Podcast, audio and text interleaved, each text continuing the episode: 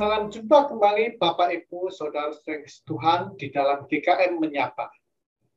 Tema renungan hari ini adalah orang Kristen yang berbuah. Mari kita berdoa.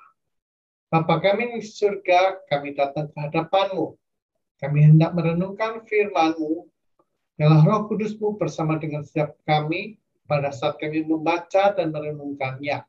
Dan terlebih lagi ketika kami melakukannya sebagai hambamu di dalam menyampaikan renungan. Dalam nama Tuhan Yesus, kami berdoa. Amin. Renungan hari ini dari Alkitab Firman Tuhan Injil Matius pasal 13 ayat 23. Yang ditaburkan di tanah yang baik ialah orang yang mendengarkan firman itu dan mengerti. Dan karena itu ia berbuah.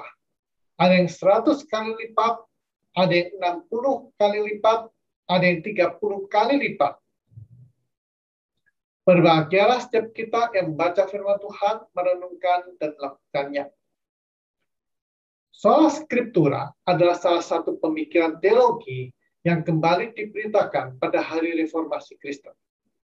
Soal skriptura yang artinya hanya Alkitab yang menjadi dasar di dalam berteologia dan di dalam kehidupan pribadi kita Pemikiran soal skriptura atau hanya Alkitab sebenarnya juga ada di dalam pengajaran Tuhan Yesus. Di dalam Injil Matius pasal 13, Tuhan Yesus mengajar para murid-murid dan orang banyak yang mengerumuni Tuhan Yesus di pantai. Yesus bercerita tentang seorang penabur yang keluar untuk menabur benih. Nah, benih yang dimaksudkan Tuhan Yesus adalah firman Tuhan Sedangkan tempat benih yang jatuh adalah macam-macam orang yang bereaksi atau berespon ketika benih firman Tuhan itu ditaburkan. Nah, ada macam-macam yaitu pertama ada benih yang jatuh di pinggir jalan. Lalu datanglah burung dan memakannya sampai habis. Ada benih yang jatuh di tanah yang berbatu-batu yang tidak banyak tanahnya. Pada waktu matahari terbit, tanaman itu layu karena tidak berakar. Ada benih yang jatuh di tengah semak-semak. Semak-semak makin besar dan menghempit benih itu sampai mati. Ada yang benih jatuh di tanah yang baik, lalu berbuah. Nah, setelah saya Tuhan, hari ini kita berfokus pada benih yang ditaburkan di tanah yang baik apa maksudnya? Maksudnya ialah orang yang mendengarkan firman Tuhan mengerti firman Tuhan. Nah, benih atau firman Tuhan itu tertanam dengan baik dalam hidup orang yang mau mendengarkan firman Tuhan dan benih firman Tuhan itu akan menghasilkan buah yaitu hidup yang dibaharui oleh firman Tuhan. Nah, selain Tuhan, ketika berbicara tentang berbuah, Tuhan Yesus juga mengungkapkan hal berbuah itu di dalam Injil Yohanes pasal 15 ayat 4. Tuhan Yesus berbicara yaitu tinggallah di dalam aku dan aku di dalam kamu. Sama seperti ranting tidak dapat berbuah dari dirinya sendiri kalau ia tidak tinggal pada pokok anggur. Demikian juga kamu tidak berbuah jika kamu tidak tinggal di dalam aku. Nah, terus Tuhan di dalam firman Tuhan ini, Yesus maksudkan supaya setiap orang Kristen memiliki kehidupan yang berbuah. Dan untuk memiliki kehidupan yang berbuah, harus tinggal di dalam Tuhan Yesus. Percaya pada Tuhan Yesus dan tidak hanya berhenti pada percaya, tetapi juga mendengarkan firman-Nya. Firman Tuhan itu hidup di dalam diri orang yang percaya pada Tuhan Yesus. Mengerti firman Tuhan Yesus itu baru bisa menghasilkan kehidupan yang terbuah. Bagaimana bisa mengerti firman Tuhan itu?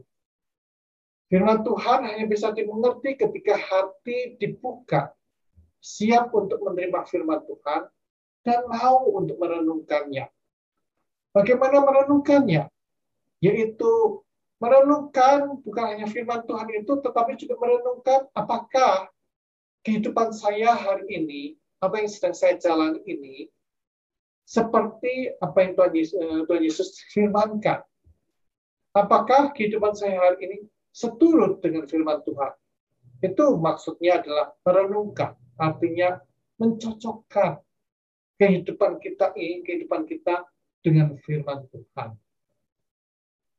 Yang Tuhan, pemikiran soal skriptura, hanya Alkitab, firman Tuhan, yang menjadi landasan kita berteologi, yang menjadi landasan kita hidup, juga diberitakan di kitab Mazmur. Mazmur pasal pertama dikatakan bahwa orang yang kehidupannya berbuah adalah orang yang kesukaannya ialah Taurat Tuhan, firman Tuhan, dan yang kesukaannya merenungkan Taurat Tuhan, firman Tuhan siang dan malam. Itu artinya bahwa firman Tuhan tidak cukup kita dengar hanya di waktu kebaktian di hari Minggu, baik itu kebaktian onsite ataupun kebaktian melalui online. Tidak cukup hanya di hari Minggu. Namanya juga kesukaannya merenungkan. Nah, terus lagi Tuhan, apakah Alkitab firman Tuhan sudah menjadi kesukaan Bapak Ibu Saudara saudara Tuhan?